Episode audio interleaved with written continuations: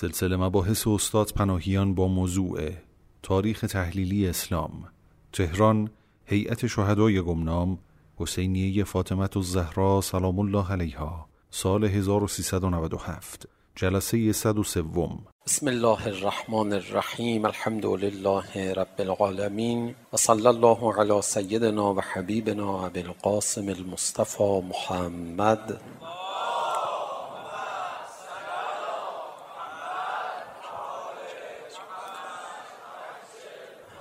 وآل الطيبين الطاهرين المعصومين لا سيما بقية الله في الأراضين روحي وأرواح الغالمين له الفداء واللعن الدائم على أعدائهم أجمعين إلى قيام يوم الدين رب اشرح لي صدري ويسر لي امری واحلل عقدة من لسانی يفقهوا قولی اونجوری که حضرت آیت الله شاه آبادی میفرمودند که اسلام رو به عنوان یک دین فردی معرفی کردن. در حالی که اسلام یک دین جمعی یک دین سیاسی است و ابعاد جمعی و اجتماعی دین مغفول واقع شده. اون وضعیت کماکان کم و بیش ادامه داره. اینجور نیستش که امروز ما این مشکل رو نداشته باشیم.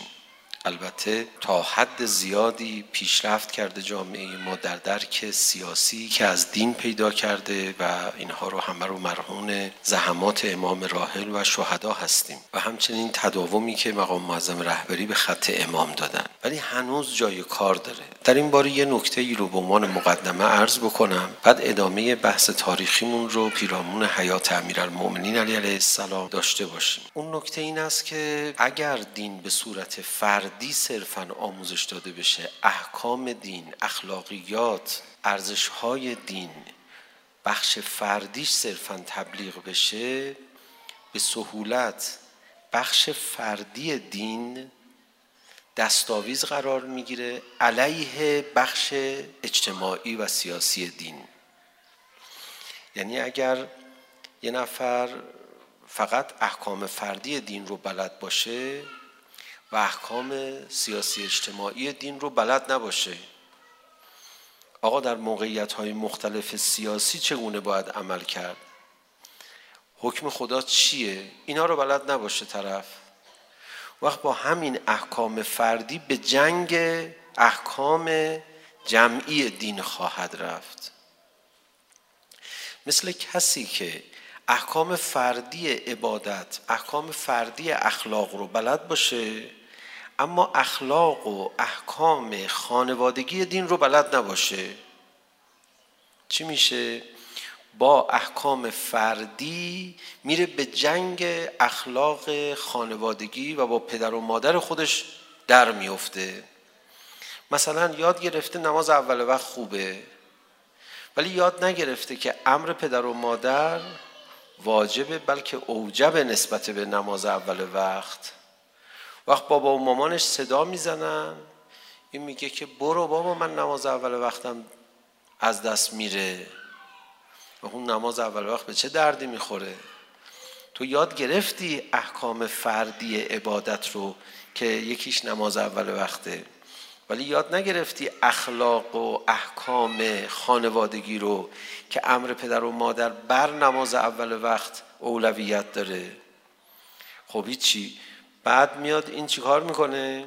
با همین حکم نماز اول وقت میخوام بخونم به جنگ به و مادرش در میاد.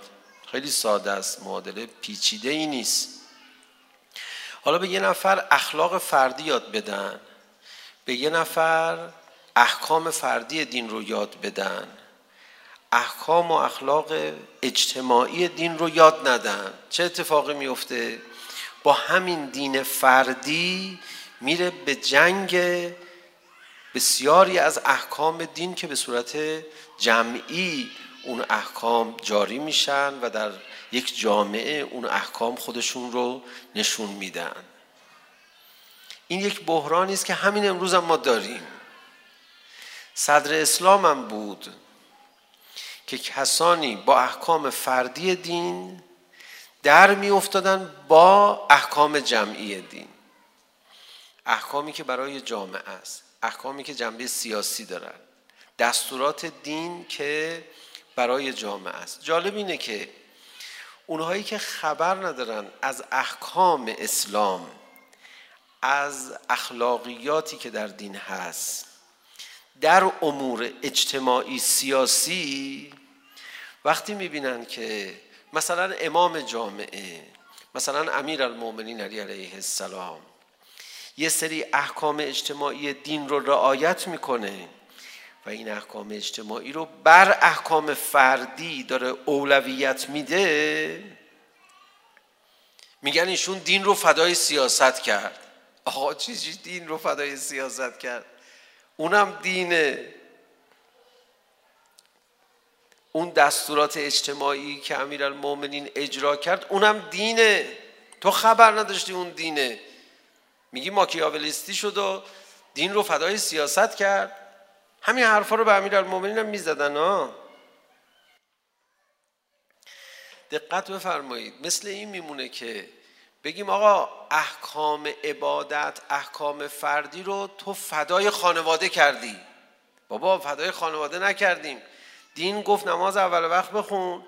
همین دین گفت امر پدر و مادر واجب تر از نماز اول وقته. همین دین گفت. بعد یه دفعه بابا و مامانم منو کار داشتن سر نماز اول وقت خب من رفتم سراغ اونا. من نماز و فدای اونا نکردم. من بازم دین رو رعایت کردم. کسانی که فقط احکام فردی دین رو بلدن کسانی که فقط دستورات اخلاقی دین رو در هیته فردی بلدن از دستورات خدا در جامعه اسلامی خبر ندارن تا میبینن رهبر دینی ره امامت جامعه داره احکام اجتماعی دین رو اجرا میکنه میگن دین رو فدای سیاست کرد.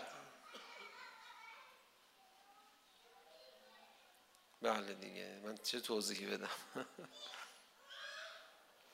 میگن دین رو فدای سیاست کرد. اخلاق رو فدای سیاست کرد.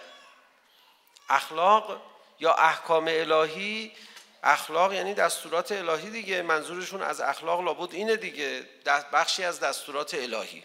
ها؟ که غیر عبادی هستن مثلا.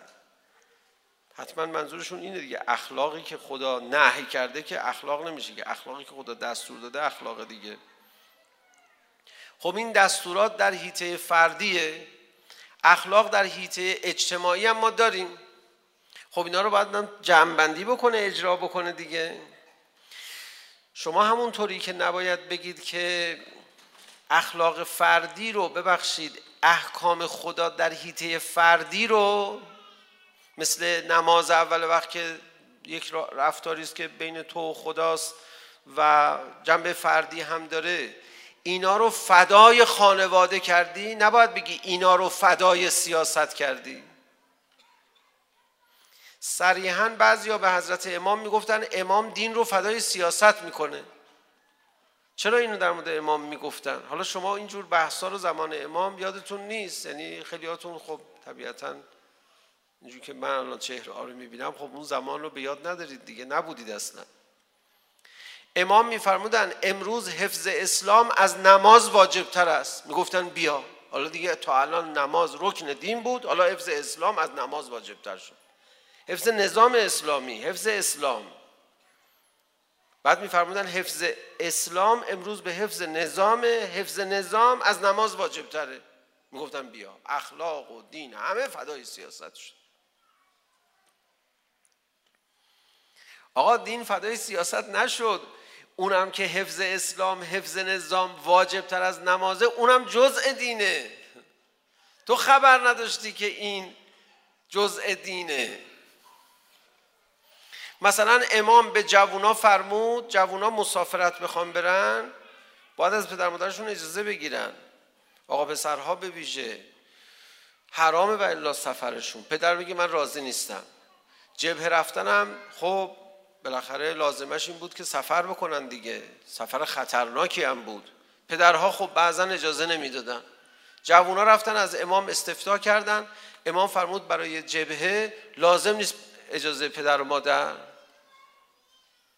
یه عده‌ای شروع کردن دوباره اعتراض کردن. آقا دین و فدای سیاست کردن. آقا اونم جزء دینه. آقا چجوری اینو بعضی به بعضی آدم حالی بکنه؟ اونم جزء دینه. اونم جزء اخلاقه. منتها نیست خبر نداره از اخلاقیات سیاسی دین از احکام سیاسی و اجتماعی دین. تا میری اون احکام رو اجرا کنیم و اولویت پیدا میکنه اون احکام بر احکام فردی میگه دین و فدای سیاست کرد انشالله ما جهالت در این موضوعات نداشته باشیم این مسئله خیلی مسئله مهم و فراگیریه خیلی ابعاد داره چون بارها ما به صورت‌های مختلف در ارتباط با ضرورت توجه به امور سیاسی دین صحبت کردیم. دیگه اجازه بدید تفصیل ندم این بحثا رو. بعضی وقتا میبینی یه عالم دینی مقید بودن به دین و اخلاق رو مقید بودن به دین و اخلاق در حیطه زندگی فردی معنا میکنه. بعد احکام اجتماعی دین رو ول میکنه. مردم هم بهش میگن آدم با تقوا و مؤمنیه. خیلی جالبه آقا ایشون با تقوا نیست چرا چون احکام سیاسی اجتماعی دین رو رعایت نکرد میگه نه والله به خدا ما تا حالا ازش گناه ندیدیم خب چه گناهی بالاتر از این که از دین حمایت نکرد از جریان مقاومت حمایت نکرد چه گناهی با نه نه ما فرد با تقوایی که هست ای بابا من نمیدونم شما تقوا رو چجوری تقوا یعنی رعایت همه احکام الهی خب این بخش از احکام الهی که تعطیل شد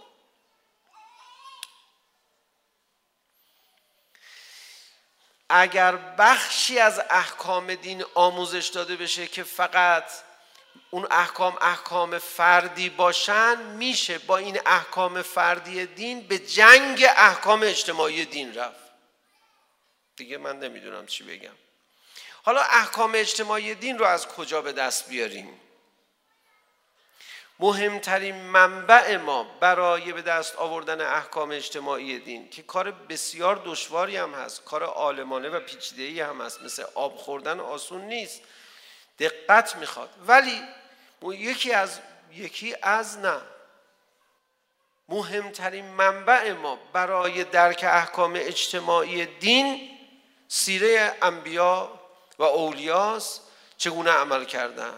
آیات قرآن در این باره مفصل صحبت دارن؟ و همچنین تاریخ ائمه هدا علیهم السلام بالاخص تاریخ و سیره رسول خدا و امیر المؤمنین صلی الله علیه ما و آله ما و سلم.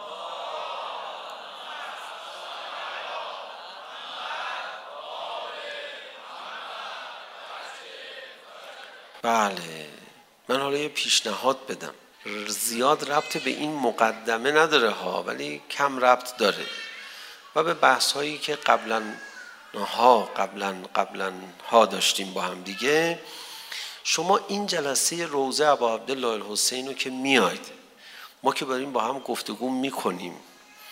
شما نیت کنید خدایا ما میریم یک جلسه روزه ای به قصد کمک به عرصه سیاسی اسلام ببینید نورش چی میشه دو دقیقه بعد هممون اون طرفیم اون وریم الامر قریب و الاستحاب قلیل امر قیامت نزدیکه و این با هم بودن ها اندک میریم اون ور ثوابش رو میبینیم یه وقت کسی برای خودسازی میره جلسه یه وقت یه کسی برای جامعه سازی میره جلسه ثوابش کدوم بیشتره؟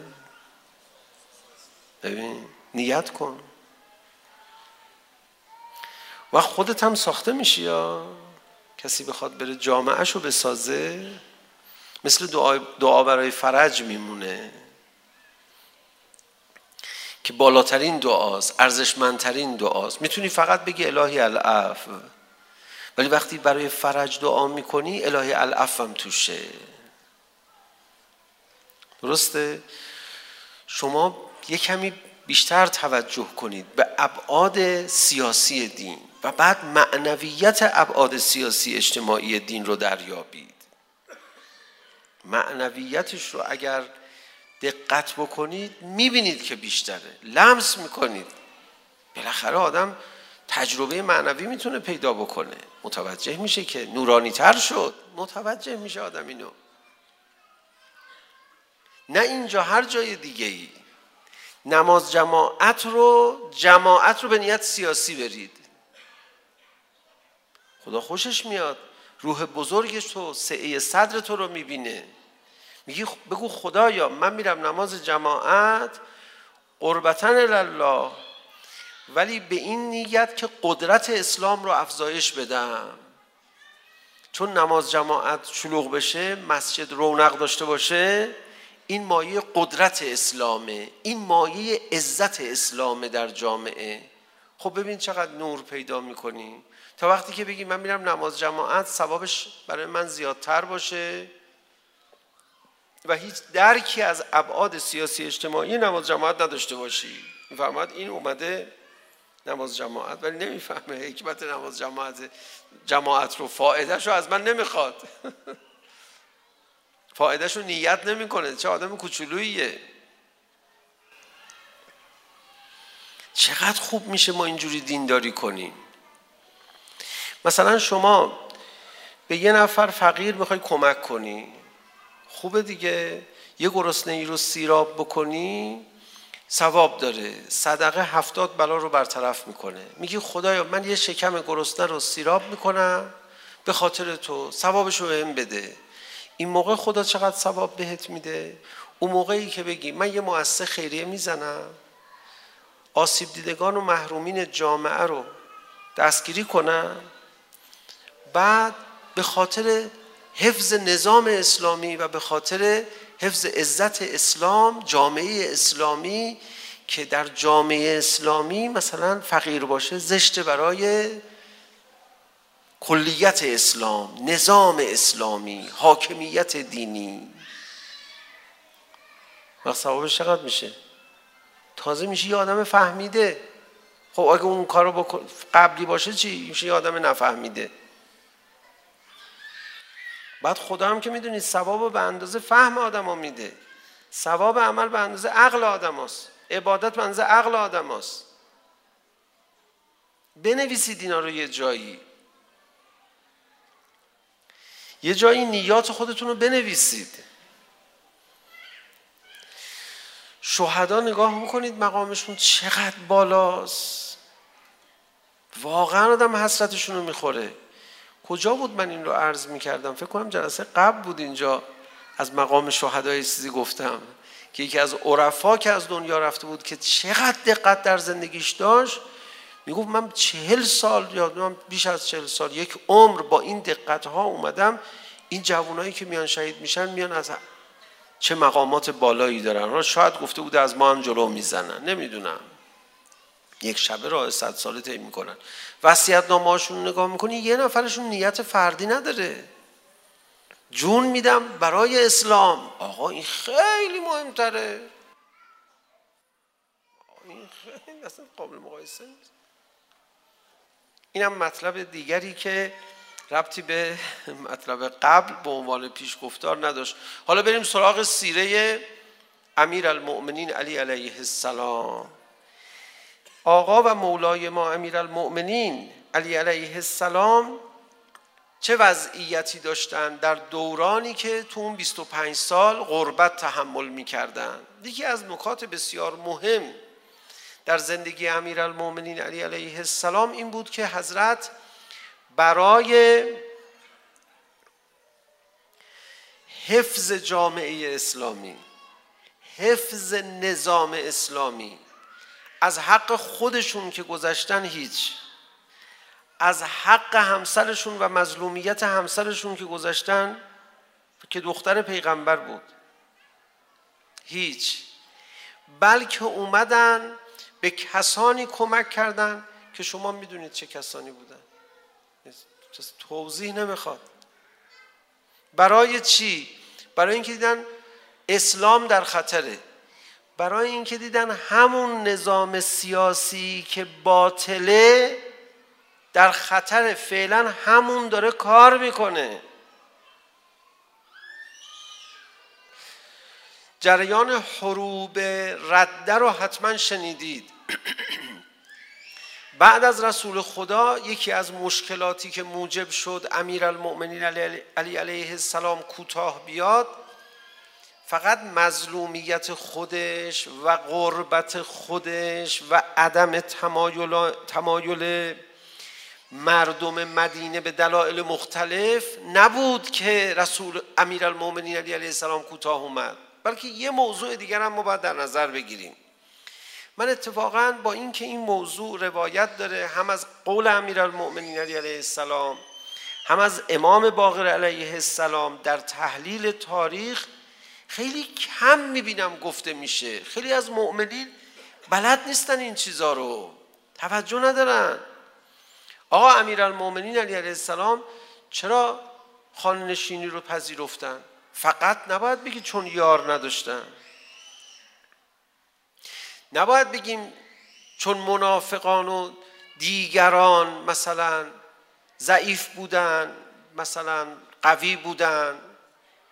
و اینجور باعث که من یه کمی دیدید که نمیتونم دقیق صریح بگم همه چیزو. یه مسئله دیگه هم باید بگیم. اونم این که آقا بعد از رسول خدا یه عده‌ای مرتد شدن. این یک. یعنی گفتن اصلا ما از این دین خارج شدیم. که حالا مناطقش هم گفتن که حالا من نمیخوام عرض بکنم بعضیاشو چون الان آدمای خوبی اونجا مستقرن. یه سبقه بدی میشه برای اون مناطق. اینا مرتد شدن. قدرت اسلام رو رو به کاهش دیدن. دین قوی هم که نداشتن. گفتن آقا ما دیگه مسلمون نیستیم. رسولتون از بین رفت و از به شهادت رسید. یا مثلا رحلت کردند و اینها. ما برمیگردیم به دوران جاهلیت. یه عده از اسلام دست بر نداشتن ولی گفتن ما دیگه زکات نمیدیم بله ما مسلمونیم برای خودمون مسلمونیم زکات به مرکزیت حاکمیت اسلامی نمیدیم خب این زکات ندادن یعنی پیوند سیاسی اون جامعه با مرکزیت قطع میشه همین پیوند سیاسی که قطع شد در اثر قطع شدن پیوند اقتصادی به نام زکات مقدمه میشه که چل تا دین دیگه علکی این ور اونور سبز بشه.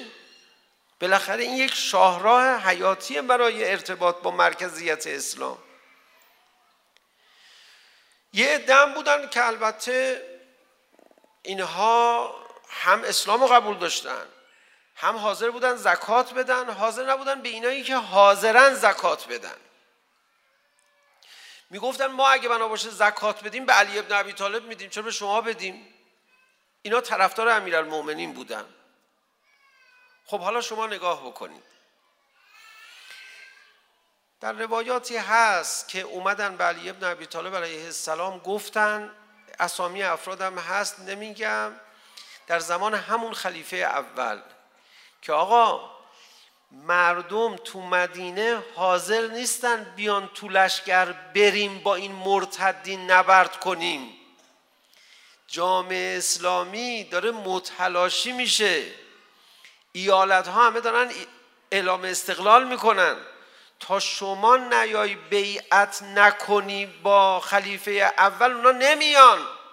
این انشقاقی که تو مدینه اتفاق افتاده درست شما رو مردم یاری نکردن. ولی برات اعتبار قائلن. جنگ هم که اتفاق سختیه جنگ که حلوا پخش نمی کنن که. دلها دنبال کوچکترین بهونه میگرده از جنگ فرار کنه. شما بیا خواهش میکنم بیعت بکن. بیا حالا بگذر. برای چی؟ برای این وضع سیاسی که پیش اومده. آقا امیر امیرالمومنین علیه السلام رفت بیعت کرد. و بعد همکاری کرد. و بعد راهنمایی کرد نه تنها جریان مرتدین بعد از پیامبر ساکت شد با همین بیعت علی ابن ابی طالب علیه السلام چون نوشتن که بعد از اینکه علی ابن ابی طالب بیعت کرد مردم مدینه خوشحال شدن گفتن بالاخره حالا اختلافات کنار گذاشته شد حق به حقدار نرسید ولی یه ثباتی یه وحدتی خودشو نشون داد بعد از اون مردم یه هیجانی پیدا کردن برن جنگ بکنن و این اوضاع آروم بشه. یک اتفاق دیگه هم افتاد. اون اتفاق این بود که رومی ها خطراتی رو برای جامعه اسلامی ایجاد کرده بودن و خلیفه اول نمیدونست چی کار بکنه با اینها. طرف شمال مملکت اسلامی بودن. علی ابن عبی طالب با این پیوندی که با خلیفه اول برقرار کرد راهنمایی کرد. گفت شما اون کاری که پیامبر ناتمام انجام داد شما تمام کنید و حمله کنید به اون جایی که رومیان اومدن تصرف کردن. و بعد اینها رفتن و پیروز شدن و خیلی هم اون آقا تشکر کرد از علی ابن عبی طالب. و این فتح هم برای جامعه اسلامی رخ داد. و الا رومیا طمع کرده بودن بیان قدرت اسلام رو بشکنن و میتونستن این کارو بکنن. امیر المومنین علی علیه السلام نه تنها مظلومیت خودش رو فدای این ماجرا کرد نه تنها مظلومیت دختر پیغمبر همسر گرامی خودش رو فدای این ماجرا کرد. بلکه طرفداران خودش رو که به خاطر طرفداری از علی ابن ابی طالب میخواستن زکات ندن به اینا اونها رو هم تو این ماجرا اولویت نداد. و در واقع فدا کرد. آقا یا علی ما اگر به اینها مثلا زکات نمیدیم به خاطر دفاع از شماست. شما لاقل بیا اما دفاع کن. سوال نکرد و باور نمی کنید اونها بعضی هاشون سرهاشون بریده شد زنهاشون به اسیری کشیده شدن البته امیر المومنی علیه السلام در یه مورد فریاد زد اومد جلو اون کسی که این کارو کرده بود و فرمود این باید انتقام ازش گرفته بشه قصاص باید بشه ایشون و اونا هم البته گوش نکردن و آقا به یاری شما اینا کشیدن کنار بعد اونا زدن اینا رو کشتن آقا اولویت نداشت براش دفاع از اینا حالا بگیم آقا عدالت رو گذاشت زیر پا آقا مروت رو گذاشت زیر پا آقا ارزش مظلومیت و فداکاری همسرش رو گذاشت زیر پا باید اینو بگیم این بخش از تاریخ امیرالمومنین علی علیه السلام رو کسی ازش صحبت نمیکنه تا ببینیم. به وسیله امیرالمومنین علی علیه السلام وقتی قرآن میخواد تفسیر بشه احکام دین با سیره او میخواد تبیین بشه چه عمق و ژرفایی داره؟ چه دقتی رو باید ما داشته باشیم به مسائل سیاسی؟ یعنی سیاست اینقدر مهمه؟ یعنی نظام اسلامی که حتی در رأسش اونا باشن اینقدر مهمه؟ چیا رو داره امیر المومنی علیه السلام اولویت نمیده؟ آقا اینا درس نیست؟ تصادفی اینا؟ شما طراح تاریخ باشی اینجوری طراحی میکنی که کار بی حکمت بکنی؟ یه به عبارت دیگه بگم چقدر هم زبان بسته است تو توضیح این مسائل آقا امیرالمؤمنین علی علیه السلام بخواد بفرماد سیاست مهمه چجوری باید اینو توضیح بده چجوری باید اینو توضیح بده جز اینکه بره کمک سیاسی بکنه به وضع ثبات سیاسی جامعه به کسانی که اومدن در خونش آتش زدن با این حرف با این کار میخواد چی بگه؟ بگه سیاست اینقدر مهمه ها میفهمی؟ میفهمی چقدر مهمه؟ من از چی گذشتم؟ چجوری اینو توضیح بده؟ یعنی اگر امیرالمومنین علیه السلام رفتارهایی رو در زمان خلافت خودش انجام میداد اینقدر گویا نبود که سیاست مهمه که الان داره این کارا رو میکنه.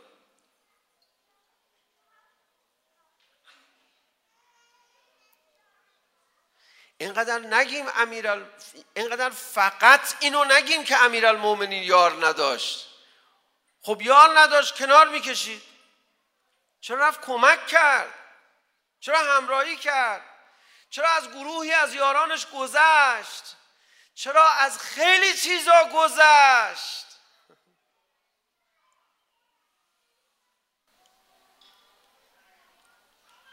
بعضی ها ممکنه بگن که شما دین رو دارید فدای سیاست میکنید. میگم که آقای بزرگوار اینم جزء دینه. میفهمی؟ یه نمونه بگم. به خدا اینایی که دین فردی فقط دارن مغزشون سود که میکشه هیچی متلاشی هم میشه از این خبر. قضات محترم یا غیر محترم نمیدونم دیگه. قضاتی که زمان صدر اسلام قضاوت میکردن در احکام برای مردم. به چه شیوه ای قضاوت میکردن؟ به شیوه رسول خدا؟ نه بالاخره تغییری پیدا کرده بود در زمان سه خلیفه. قاضیه دیگه داره قضاوت میکنه چی رو باید بزنه چی رو نباید بزنه چی رو حق میدونه چی رو باطل میدونه بر اساس کدوم قوانین قوانینی که قبل از خلافت امیرالمومنین علی علیه السلام رایج شده میدونید دوستان من امیرالمومنین علیه السلام بعد از اینکه حاکم شد چیکار کرد فرمود قضات به همون شیوهی که زمان خلفا قضاوت میکردن به همون شیوه قضاوت بکنن. این یعنی چی؟ عدالتی که قضات میخوان رعایت بکنن فعلا یه مقدار دقیق نیست این مهم نیست. فعلا اون سیاستی که ثبات جامعه رو تضمین میکنه ثبات نظام اسلامی رو تضمین میکنه اون مهمه. الان یه دفعه یه دعی حرف من حسن سوء استفاده رو به عمل میارن. فلانی گفت سیاست مهمتر از عدالت است. چی بگم الان من؟ یک کلمه عدالت افتاده سر زبونش. همه رو میخواد به این خط کن به خط کنه با یک دونه کلمه عدالتی که معناشو نمیفهمه. آقا این جزء عدالت نیست که نظام اسلامی اولویت داره؟ فقط عدالت فردی عدالته. اینه دیگه که من در مقدمه صحبت گفتم بعضیا فقط دین فردی رو یاد میگیرن میرن سراغ عدالت بازم عدالت فردی رو یاد میگیرن. عدالتی که در اون اوامری شده برای اداره جامعه اونا رو که بلد نیستن که.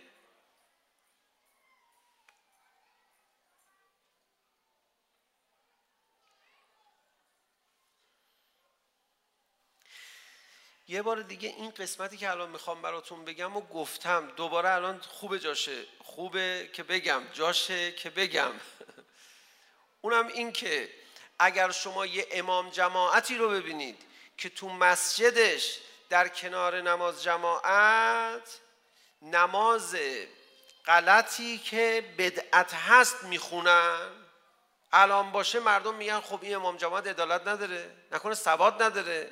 اگه سواد داره چرا جلوشون نمیگیره؟ امام جماعت شما اولین کاری که باید میکنی نماز مردم رو باید درست کنی. امیر المؤمنین در مسجد پیامبر در زمان حکومتش میدید نماز تغییر یافته از زمان پیامبر یعنی باطل میخونن میخواست جلوگیری بکنه. دید مردم اعتراض میکنن فرمود بخونید اشکال نداره. اشکال نداره یعنی دیگه چیکار کنم بهتون؟ بعد به چی رسید؟ رفت رسید به امور سیاسی. رفت سراغ تلوزبه رفت سراغ معاویه. آقا شما اینجا کوتاه اومدی اونجا هم کوتاه بیا من تو عرصه سیاست کوتاه نمیام تا حدود زیادی یه جاهایی تو عرصه سیاست هم علهم و فلهم کردن کوتاه اومدن یه جاهایی کوتاه نیومدن ولی یکی از جایی که کوتاه اومدن تو موضوع نماز بود حالا چرا اونجاها رو کوتاه نیومدن چون حفظ حفظ اسلام حفظ نظام از نماز واجب تر است این تو کت بعضیا نمیره تا بهشون میگی مسخره میکنن. آقا اسلام و فدای سیاست کرد. خب حالا دیگه شما نمیفهمید که خیلی پیچیده است. که همه که نباید همه چی رو بفهمن که.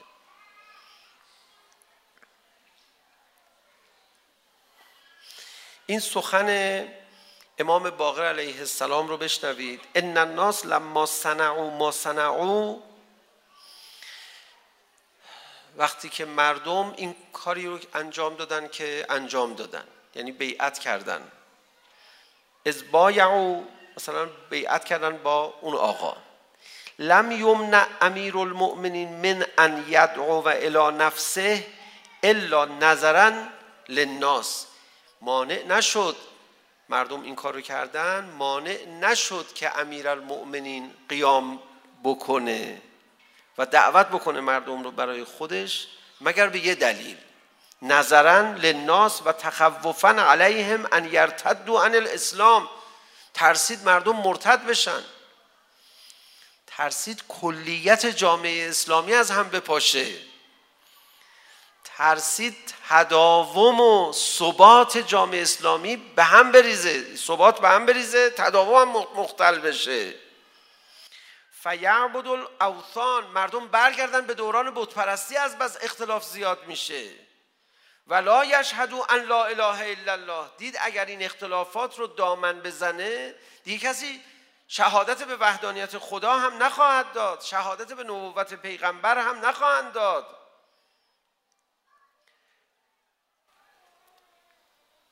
بعد چکار کرد و کان الاحب الیهم من ان یقرهم علی ما صنعوا من ان یرتدوا عن الاسلام براش محبوب تر بود مردم تو همین وضع ناجور بمونن ولی ثبات جامعه حفظ بشه کار به ارتداد کشیده نشه یه چیزی از اسلام باقی بمونه آقا ما هم میریم همکاری میکنیم حالا این یعنی سیاست رو یعنی احکام اسلامی رو فدا کردن احکام اسلام رو اخلاق رو فدای سیاست کردن نخه این حکم سیاسی هم جزء اسلامه که شما باید کلیت جامعه اسلامی رو در نظر بگیری بعد دیگه در کلام دیگری خود حضرت این بحث رو مطرح میکنن در یک سخنی بعد اونجا جالبه وقتی که امیرالمؤمنین علی علیه السلام اینا الان بحثایی که در زمان ما بهش بیدقتی شده. ولی زمان امیرالمؤمنین علی علیه السلام در دوران خلافتشون سر این بحثا دعوا می‌کردن با امیرالمؤمنین. محل چالش بود. حالا هم توضیح بدم و عرضم تمام. چی محل چالش بود؟ امیرالمؤمنین علی علیه السلام می‌فرمود از اول حق منو خوردن. آقا اینا هم اعتراض میکردن. یعنی چی آقا؟ حالا توی مواقع مختلف من جمله توی یک جلسه ای که حضرت دیگه خیلی از حرفا رو زدن. این جلسه اواخر عمر شریف امیرالمومنین علی علیه السلام بود. یعنی حضرت شروع کردن به افشاگری کردن. حتی حضرت بعد از اینکه به خلافت رسیدن هم افشاگری نکردن. برنگشتن به مردم بفرمان مردم دیدید اشتباه کردید؟ حالا رفتید سراغ اصل ماجرا. حالا مردم رفتید سراغ قدیر. نه حتی اون زمان هم اینو نفرموندن پنج سال جنگ و نمیدونم خیلی از مظلومیت ها رو حضرت تحمل کردن. جنگ نهروان هم تموم شده. حالا قسمت نهایی نبرد حضرت با معاویه رسیده. حضرت نشستن تو جمع و یه مطالبی دارن میگن. گاهی نکاتی رو بیان می‌فرمودن. مثلا زیاد می‌فرمودن من از اول مظلوم بودم که توجه ها رو جلب کنن که مردم توضیح بخوان. بعضیا که خبر داشتن ناراحت می‌شدن از این حرف حضرت. آقا چیه هی میگی من مظلوم بودم مظلوم بودم؟ خب بلند شده شمشیر میکشیدی یار جمع میکردی. بعد حضرت هی توضیح میدادن. آقا اینجوری شد آقا اینجوری شد. من کوتاه اومدم. به دلیل اینکه یار نداشتم. اشعس برگشت گفت اشعس ابن قیس برگشت گفتش توی همون جلسه. گفت خب عثمان هم یار نداشت کوتاه اومد مردم کشتنش. یعنی شما کوتاه اومدی؟ حالا میخواست یه تشبیهی بکنه همینجا از آب گلالود مثلا ماهی بگیره به نفع عثمانی که یه کمی کشش داشت به سمت او. مثلا یه چیزی بگه. حضرت فرمود نخه قصه عثمان با من فرق میکنه من وقتی مظلوم واقع شدم همراهی کردم با جامعه اسلامی عثمان تو میگی مظلوم واقع شد خب چرا همراهی نکرد مردم اومدن در خیمش در خانهش در واقع گفتن عثمان خودتو خل کن گفت من خودمو خل نمیکنم نمی کنم مردم کشتنش ولی من وقتی دیدم یار ندارم همراهی کردم با جامعه قصه عثمان رو من مقایسه نکن از این خودش میدین چقدر محل بحثه.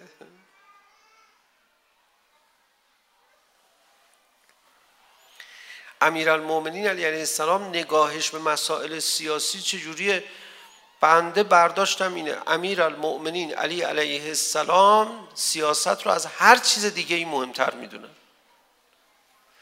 یه نکته ای هم باز یک بار شاید ما قبلا با هم مرور کردیم یه بار دیگه عرض کنم. یکی از اشتباهات رایج. اینه که میگن امیر المومنین علیه علیه السلام انقدر به عدالت اهمیت میدادن که مثلا اون قصه خلخال از پای دختر یهودی کندن طوری ایشون رو براشفته کرده بود. این موضوع عدالت فردیه دیگه. میدونید که خلخال از پای دختر یهودی کندن. انقدر برای حضرت مهم بود که فرمود مرد اگر بمیرد حق دارد. اینو حرفی نیست حالا کلیت ماجرا درسته ولی اجازه بدید یه جزئیاتی ازش ازش بگم که این رو عدالتگراهای فردی علیه سیاست استفاده نکنن.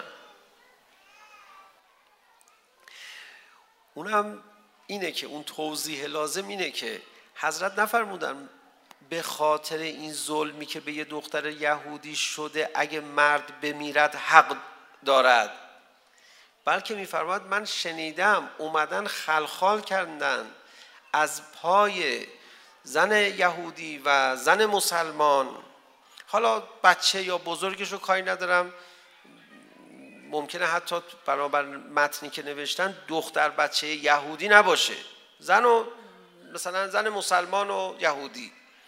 حضرت میفرماند من شنیدم. اون که خلخال کردن کار بدیه ولی به خاطر این امیرالمومنین نفرمود اگر مرد بمیرد حق دارد.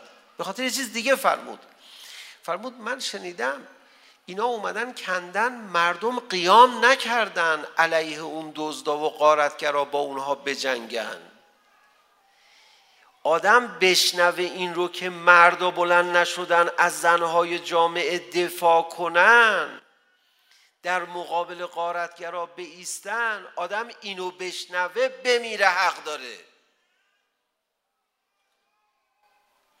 بعضیا هستن ادالتگرایی رو محدود میکنن به عدالت در مصادیق فردی. بعضیا هستن ادالتگرایی رو در اولویت میدونن در مصادیق فردی صرفن عدالت در عرصه سیاسی هم جاری است احکام خدا در عرصه سیاسی هم جاری است اونا این واقعه دختر یهودی که خلخال از پاش کنده شده رو خیلی به نفع خودشون تلقی میکنن. میگن امیرالمومنین یه خلخال از پای یه دختر یهودی یعنی ظلم به یه نفر شد گفت آدم میشنوه بمیره حق داره. یعنی اینقدر براش مهم بود. البته ظلم به یک نفر خیلی مهمه. ولی امیرالمومنین اینجوری نفرمود. فرمود من شنیدم مردم قیام نکردن. مردها شمشیر نکشیدن در این راه جان خودشون رو ندادن که مقابل اون قارتگرا وایسن از این بی تعهدی مردم آدم بمیره حق داره. که در واقع اینم یک موضوع سیاسی است. عدم تحرک مردم برای دفاع از حق جای مرگ داره. نه اون که اون خلخالو کندن جای مرگ داره. کلام حضرت اینجوریه. حالا منظور بنده این نیستش که آقا خلخال پس اگه از پای دختر یهودی یا زن مسلمون کندن این دیگه مهم نیست. نه این مهمه ولی از این مهمتر مردگی یک جامعه است. که دفاع نکنه از حیثیت و کیان سیاسی نظام اسلامی خودش. این درد داره. این درد داره که بیان تجاوز هم بکنن به حقوق مردم به حدود مردم به حدود اسلامی و کسی دفاع نکنه ما عدالت رو فقط نباید محدود بکنیم به جنبه های فردی آقا این عادلانه است که شما اصل حاکمیت دینی رو زیر سوال ببری تضعیفش کنی امیر المؤمنین برای حفظ اصل حاکمیت دینی ولو به دست دیگران باشه ولو به دست دیگرانی که میدانید باشه به خاطر این از چیا گذشت؟ از چیا گذشت؟ حتی دوستان من نگید فقط خانه نشین شد چون کاری ازش بر نمی اومد. همراهی کرد همدلی کرد. نظر داد رأی داد رأیش کار رو پیش برد. مردم مدینه می دیدن. مشورت ها که پنهانی نبود که. میدیدن این آقا داره همکاری میکنه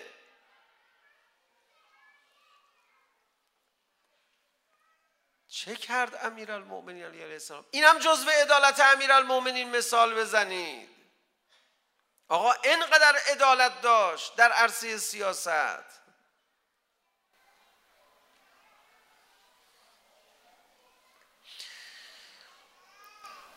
عدالت اساسا یعنی اجرای دستورات خدا عدالت اساسا یعنی اجرای دستورات خدا با رعایت اولویتی که خدا برای دستوراتش اعلام کرده.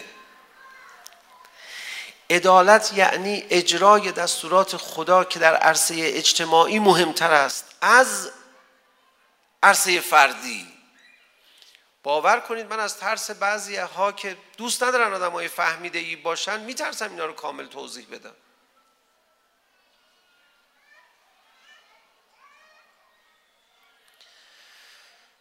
رسما هم در زمان امیر المومنین علی علیه السلام به ایشون اتهاماتی می زدن اتهام بد اخلاقی می زدن تا اتهام مدیریت نداشتن تا اتهام حریص بودن به مقام تا اتهام حسادت تا اتهام ضعف و ترس.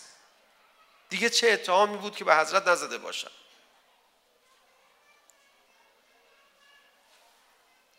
همه این کلماتی که من به شما گفتم با دقت تو تاریخ صریحا به حضرت نسبت داده شده.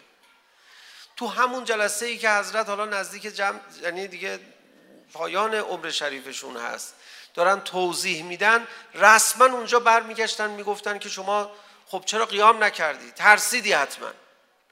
بعد حضرت مجبور بود برای اصلاح افکار عمومی شروع کنه توضیح دادن. بابا ببینید شما اگه میگید شما فلان یارو داشتی این تازه مسلمون شده بود. اصلا روحی قوی نداشت. من اگه میخواستم قیام بکنم مثلا باید حمزه می بود که اونم که به شهادت رسیده بود. جعفر تیار برادرم باید می بود اونم که شهادت الهی فداد بشم. با این جزئیات چی رو داری توضیح میدی برای اینا؟ هیچی آخه اینا فکر میکنن من ترسیدم جا زدم چی رو حضرت دارن توضیح میدن شما اگه را رسما میگفتن شما اگه راست میگی حق با شما بود چرا قیام نکردی چرا حرکت نکردی و حضرت داشت تحلیل سیاسی به اینا آموزش میداد که آقا بابا من خیلی چیزا رو باید رعایت میکردم و البته مردم این حرف ها رو به این سادگی از حضرت قبول نمی کردن برای اینکه مردم اون زمان تربیت شده بودن. سالها برای اینکه دین فردی رو بر دین جمعی ترجیح بدن. و البته نکته دیگه هم اضافه کنم. قبل از اسلام دینی که مردم داشتن معنویتی که مردم داشتن یکی از ویژگی های مهمش معنویت فردی بود. معنویت فردی که حالا احکامش یه ذره متفاوت بود با همین احکامی که اسلام آورده. مردمی که میرفتن حج خانه کعبه رو زیارت میکردن معنویت نداشتن؟ مردم مدینه چی شد؟ مسلمان شدن. دو نفر فرست یعنی دو... یکی دو نفر از همین مردم مدینه برای فصل حج اومده بودن. رفقا اگه داستانهای زمان جاهلیت رو که با هم اینجا مرور کردیم قبلا ها شما دقیق مرور بکنید میگید اصلا قبل از جاهلیت که همه مسلمون بودن. چون همین حج رو دقیق با جزئیات بسیار زیادی مشابه حج همین الان مردم انجام میدادن. حتی مشرکین مکه پیامبر رو که وقتای دیگه میخواستن بکشن وقتی ذل حجه میشد آزاد میذاشتن. آقا شما آزادی. دیگه پیامبر می اومد از شیب ابی طالب بیرون شروع میکرد رسما دعوت کردن. اونها هم کارش نداشتن. اینقدر مقید بودن به احکام حج.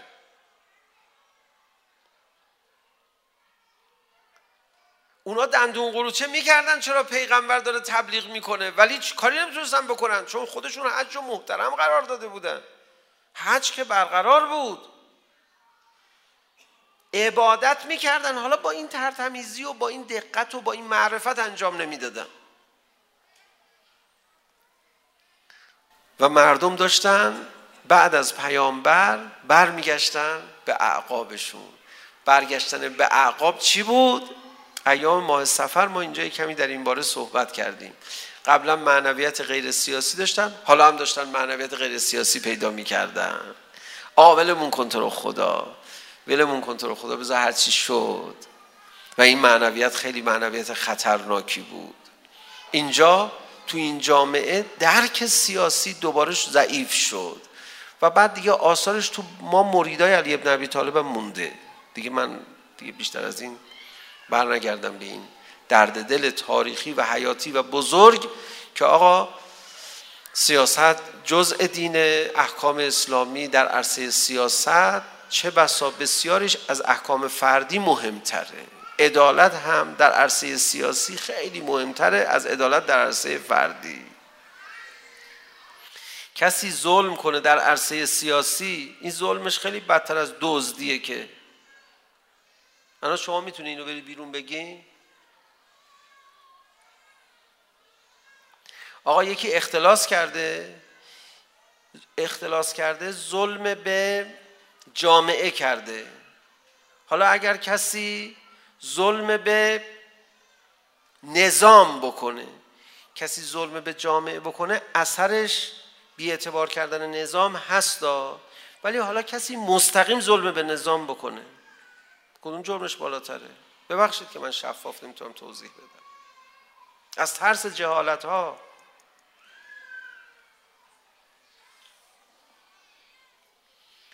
از ترس این دینی که به صورت فردی تبلیغ شده جرأت نمی‌کنی بری به سمتش که بگی بابا آخه اینم جزء دینه که احکام سیاسی اجتماعی داره. اونم جزء احکام اسلامی اتفاقا اونها در اجرای عدالت مهمتره.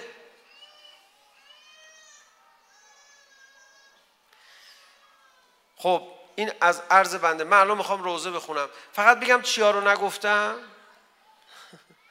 بعد شما خودتون برید مطالعه کنید ببخشید دیگه حالا دیگه بلد نیستم من توضیح بدم میدونید دارم توضیح میگم شما برید برای مطالعه بیشتر دیدید پای کتاب ها اینا درس ها برای مطالعه بیشتر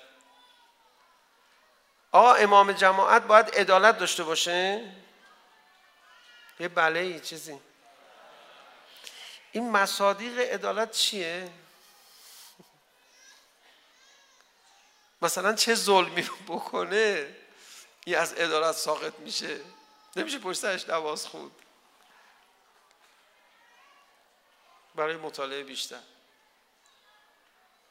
فقط گناه فردی بکنه نمیشه پشتش نماز خون. گناه جمعی چیه؟ گناه سیاسی چیه؟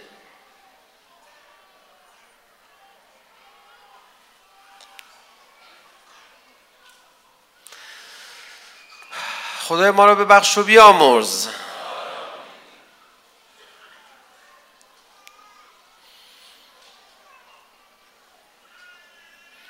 اینقدر مردم در جهالت مونده بودن نسبت به گناه و ثواب سیاسی که اوج جهالتشون رو تو کربلا نشون دادن حسین و فاطمه رو محاصره کردن قطع قطع کردن. اینقدر تو جهالت سیاسی بودن. سید و شهدا فدای چی شد بگید شما با چی درگیر شد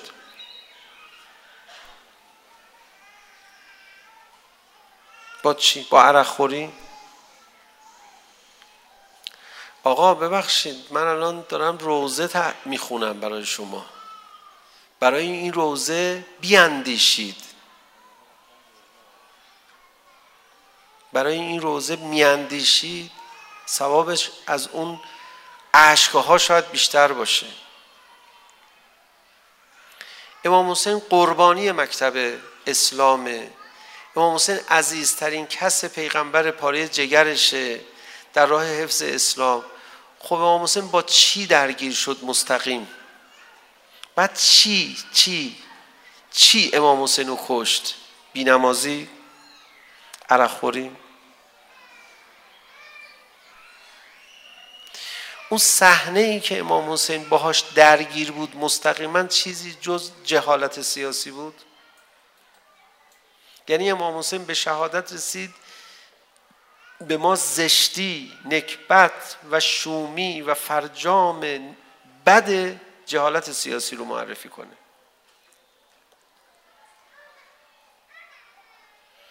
بعد میگفتن اسرا رو میگفتن خارجی ها رو آوردن.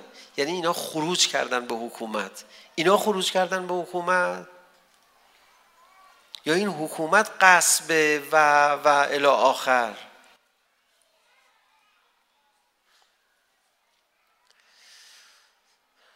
خیلی پیچیده است. من قبول ندارم که الان همه عزاداران ابا عبدالله حسین خیلی فاش و واضح و دقیق و کامل میدونن ماجرا چی بوده. میدونن ماجرا چی بوده؟ اگه بدونن که دیگه مولامون امام زمان اربعان الله الفدا تشریف فرما میشن. الان که تشریف فرما نشدن یعنی وقت انتقام گرفتن خونه از ابا عبدالله حسین نرسیده. یعنی یعنی ما یاران ابا عبدالله حسین شیر فهم نشدیم هنوز جزئیات ماجرا چی بوده. بله اونها شکماشون رو پر از مال حرام کرده بودن. ولی این ریشه است. اینا که شکماشون پر از مال حرام شده بود حالا اشکالشون تو چی بود؟ اون مال حرام ثمرش رو کجا داشت نشون میداد؟ تو تحلیل غلط سیاسی. تو نفهمی سیاسی. تو نفهمی اولویت ها امیر المومنین علی علیه السلام برگشت به مردم در خطبه خودش آخرین سخنرانی هاش فرمود. فرمود اگر شما باطل رو توهین کرده بودید بهش مقابلش ایستاده بودید. الان کار به گرفتاریتون برای معاویه نمیکشید. چه باطل هایی که اینا در مقابلش سکوت کردن؟ باطل هایی که اینا در مقابلش سکوت کرده بودن مبتلا به معاویه شده بودن باطل های سیاسی بود. عرق خوری که نبود.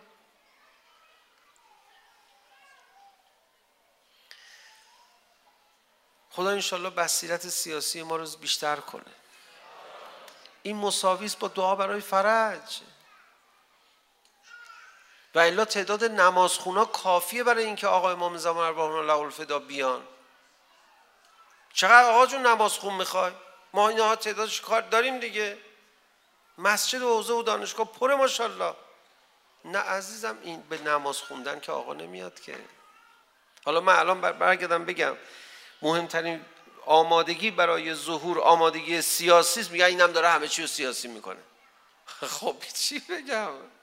چی عرض کنم؟ آقا پس برای چی دارم میان؟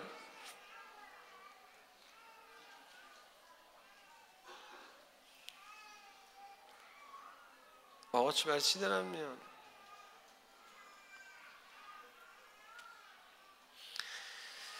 خدای دلهای ما رو با معرفت سیاسی نورانی بگردان. گامهای ما رو با گامهایی که در جهت روشنگری سیاسی اقدامات سیاسی شایسته برمی داریم گامهایی ثابت قدم در راه خودت قرار بده. آقا ابا عبدالله الحسین رئیس سلام محاصره کردن. خب باشه دیگه حالا اتفاق افتاد اون اتفاقی که باید بیفته داغ فقط به ابا عبدالله الحسین علیه السلام محدود نمیشه بعد از اون چی شد مردم خب الان بشینید فکر کنید حالا بشینید اندیشه بکنید خطر امام حسین عبالا سرتون رفت مردم نامرد کوفه حالا بشینید فکر کنید میگه یه طرف هل هله میکردن یه طرف گریه میکردن هنوز دست بر نداشتم کوفه تازه خوبش بود. هر چی به سمت شام میرفتن اهل بیت دیگه فقط کف میزدن و هلهله میکردن.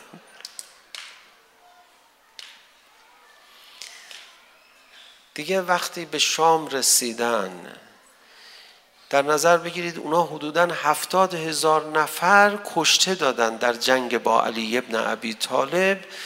اینا بچه هایی که اون کشته ها بزرگ شدن با کینه علی ابن عبی طالب. خودت چی کار داریم میکنی؟ حالا لازم بود بچه های علی ابن عبی طالب یتیمان حسین حتما برن تو شام؟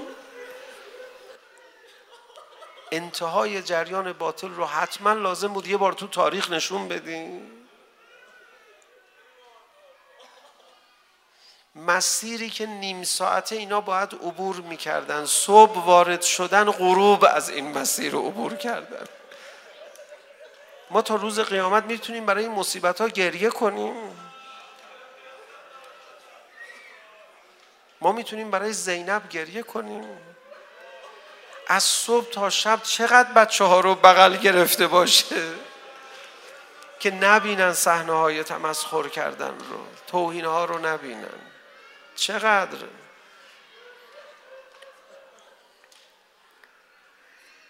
شما یه آدمی که مجرمه مجرمه طاقت میاری تناب بگردنش ببندن جلوت بکشن ببرن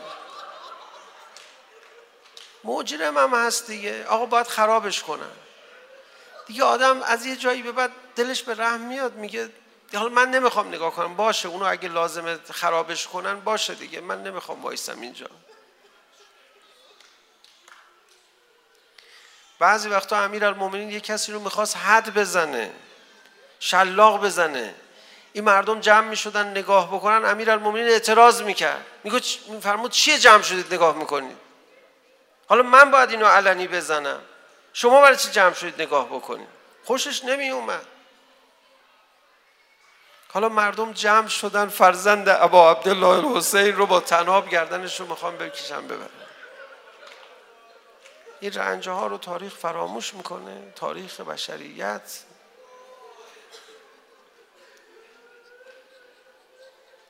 این هواشی و زوایای کربلا که دیده نمیشه. اینا رو کسی فراموش میکنه؟